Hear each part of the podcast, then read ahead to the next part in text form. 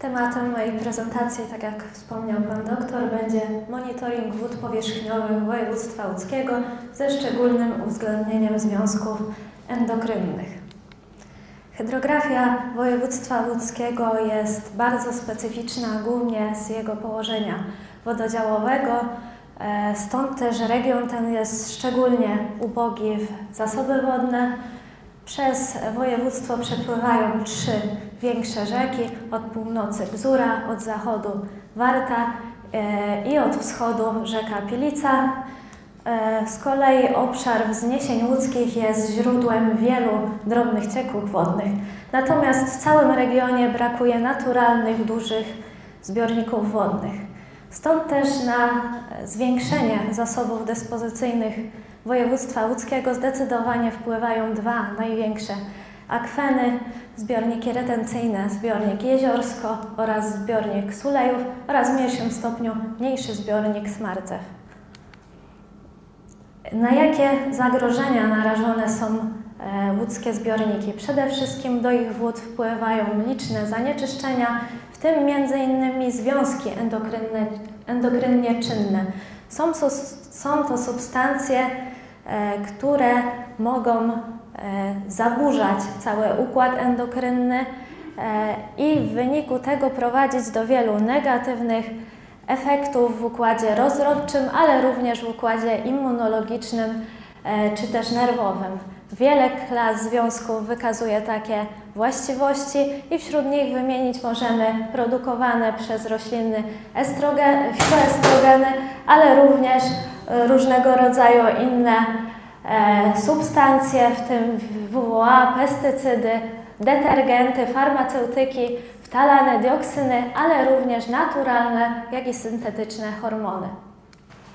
Wiele doniesień literaturowych potwierdza negatywne działanie związków endokrynnie czynnych na e, organizmy, które w takich zbiornikach mogą żyć. E, I w momencie, kiedy e, taka ryba eksponowana jest na działanie E, takich związków dochodzi do wzmożonej produkcji białka witologeniny w wątrobach ryb, w wyniku czego tworzą się e, osobniki interseksualne, czyli takie, które posiadają wtórne cechy płciowe pośrednie między samcem a samicą. Z czasem taka ekspozycja na substancje endokrynne może prowadzić do całkowitej feminizacji ryb. E, stąd też jest to bardzo niekorzystne zjawisko. E, z czasem może dojść do wymierania całych gatunków, do zagrożenia bioróżnorodności oraz e, do zachwiania naturalnej równowagi w ekosystemach wodnych. Oprócz tego takie związki endokrynnie czynne zniekształcają gonady, zmniejszają liczbę plemników, stąd też występuje tutaj redukcja płodności tychże organizmów. Oprócz związków endokrynnie czynnych do wód zbiorników łódzkich dostarczane są również biogeny, głównie związki azotu, związki fosforu, których nadmierna ilość wpływa na wzrost eutrofizacji zbiorników i pojawiają się takie zakwity fitoplanktonu. One mogą doprowadzić do zaburzenia równowagi tlenowej, w związku z czym przyczyniają się do śnięcia ryb. Poza tym mogą one wydzielać niebezpieczne toksyny, które są szczególnie szkodliwe dla zdrowia i ludzi i zwierząt, które przebywają nad takimi zbiornikami. W jaki sposób toksyny dosta dostają się do naszych organizmów? Głównie przez układ pokarmowy.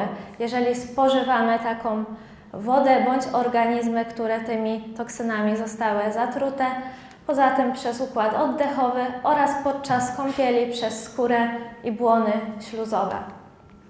Jeżeli chodzi o objawy zatruć toksynami sinicowymi, to jest ich, jak widzimy, bardzo dużo.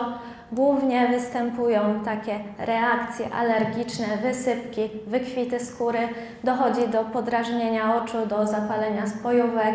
Po kąpieli w takim e, zbiorniku możemy czuć się osłabieni, może wystąpić gorączka, wymioty, z czasem nawet drżenie mięśni, e, czy też trudności z oddychaniem.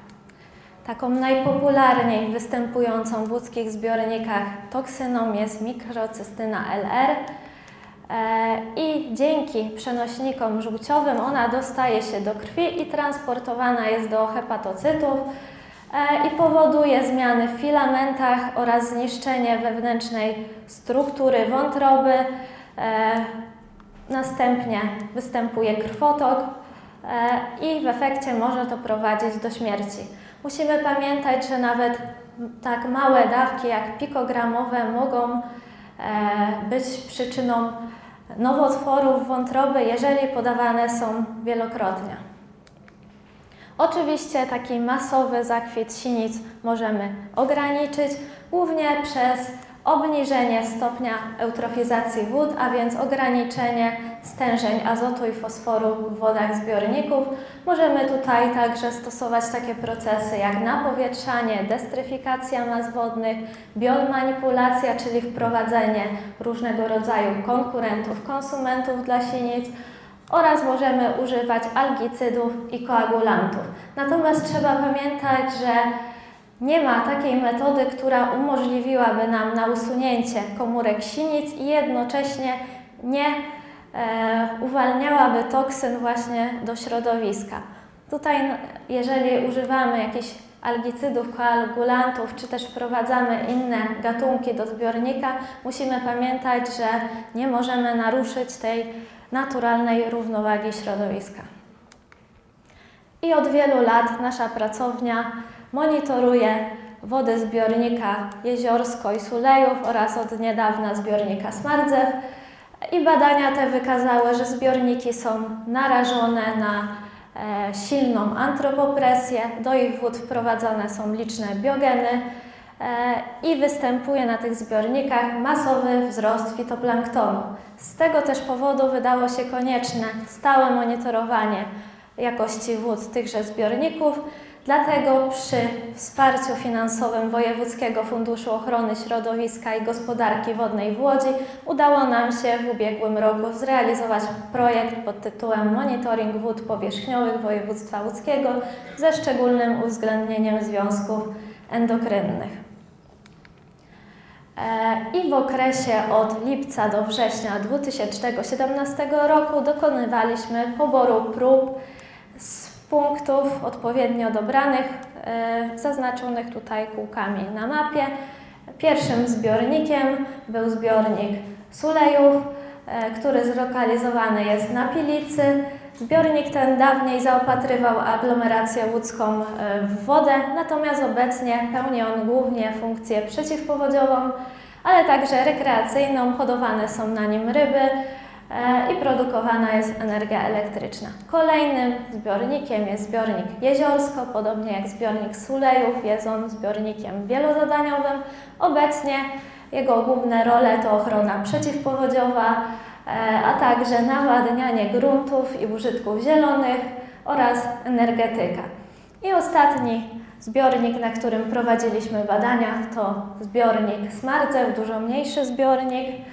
E, został on utworzony na rzece Myi e, i głównymi jego zadaniami jest redukowanie fal powodziowych, zapewnienie wody dla rolnictwa, rekreacja, a także na tym zbiorniku hodowane są ryby. I łącznie podczas ubiegłego sezonu pobraliśmy ponad 125 prób wody i wykonaliśmy ponad 1000 analiz.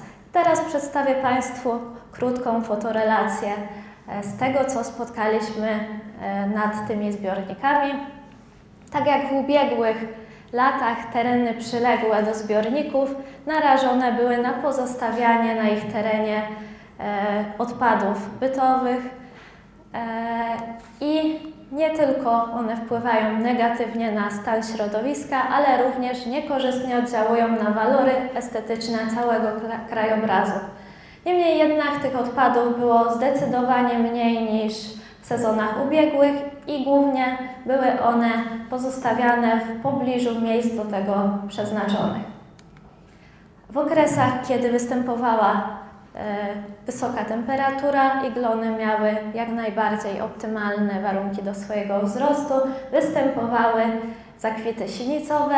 W pewnych momentach ta gęstość komórek była tak obfita, że woda przypominała taką gęstą, zieloną farbę olejną. Jest to szczególnie niebezpiecznie, ponieważ w przypadku zbiornika Jeziorsko mamy tam rezerwat ornitologiczny i ptaki, które tam żyją, są narażone właśnie na działanie toksyn, które wydzielane są przez zakwity fitoplanktonu.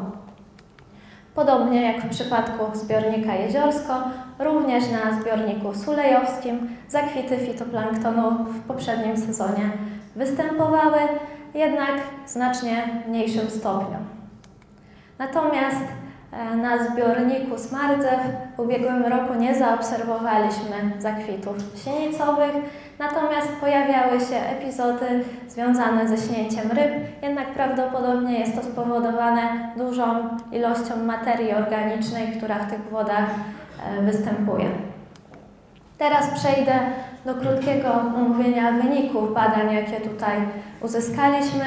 Przede wszystkim in situ, tak, na miejscu badaliśmy e, parametry fizykochemiczne wody, a więc e, obrazowaliśmy tak podstawowe e, właściwości stan zbiorników, badaliśmy temperaturę, pH, tlen rozpuszczony i przewodność i wiemy, że sinice potrzebują optymalnych warunków do swojego wzrostu, więc odpowiedniej temperatury, odpowiedniego zasolenia, odpowiedniego odczynu, naświetlenia oraz dostępności biogenów.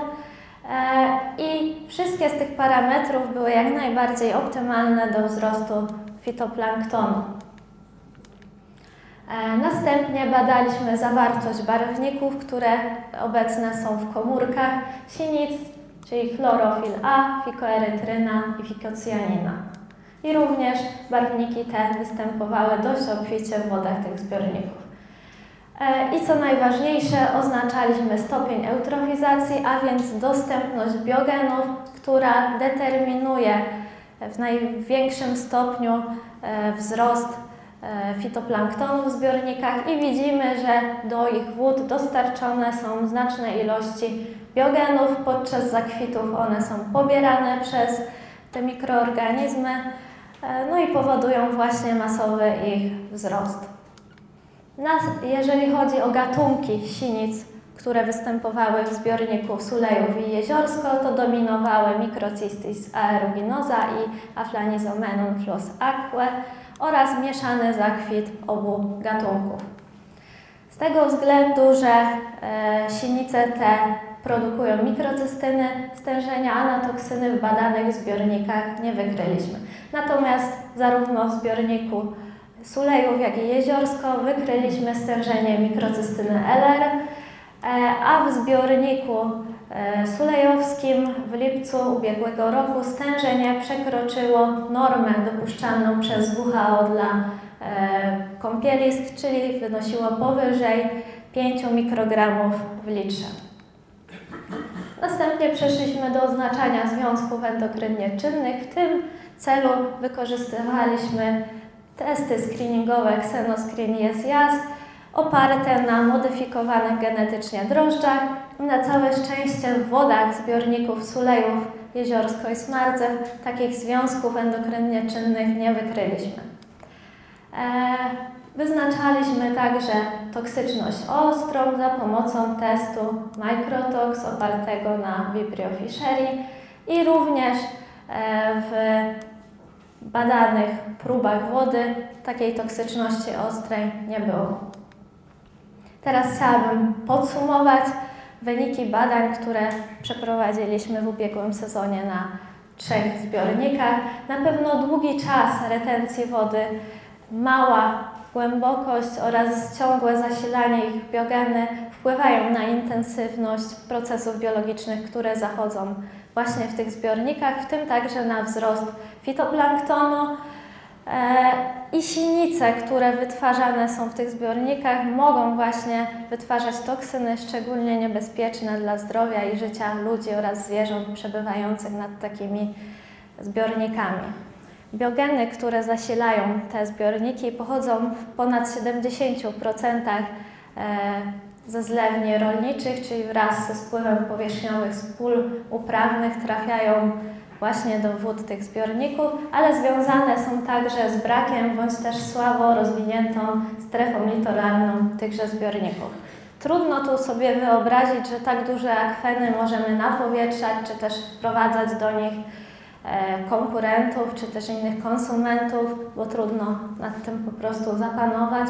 Stosowanie także koagulantów, takich jak siarczan miedzi, e, czy też siarczan glinu, jest niebezpieczne, ponieważ miedź czy też glin są toksyczne. Z kolei siarczany wpływają na zasolenie. No a musimy też pamiętać, że stosowanie koagulantów nie jest dobrym rozwiązaniem, ponieważ każda zmiana parametrów fizykochemicznych zbiornika powoduje, że biogeny z powrotem uwalniane są do wód. Dlatego dla takich dużych zbiorników jak Sulejów czy Jeziorsko najlepszym sposobem eliminacji zakwitów wydaje się odpowiednie ukształtowanie zlewni, a więc zmiana terenów rolnych na użytki zielone, czy też odpowiednie ukształtowanie, ale także ochrona, czy też rekultywacja e, stref ektotronowych. E, dość dużo biogenów trafia e, do tych zbiorników wraz z rzekami, z Wartą i Pilicą, dlatego tutaj dość dobrym rozwiązaniem byłoby budowanie buforowych zbiorników wstępnych, które eliminowałyby właśnie takie dostarczanie nadmiernych ilości biogenów. I dziękuję Państwu bardzo za uwagę.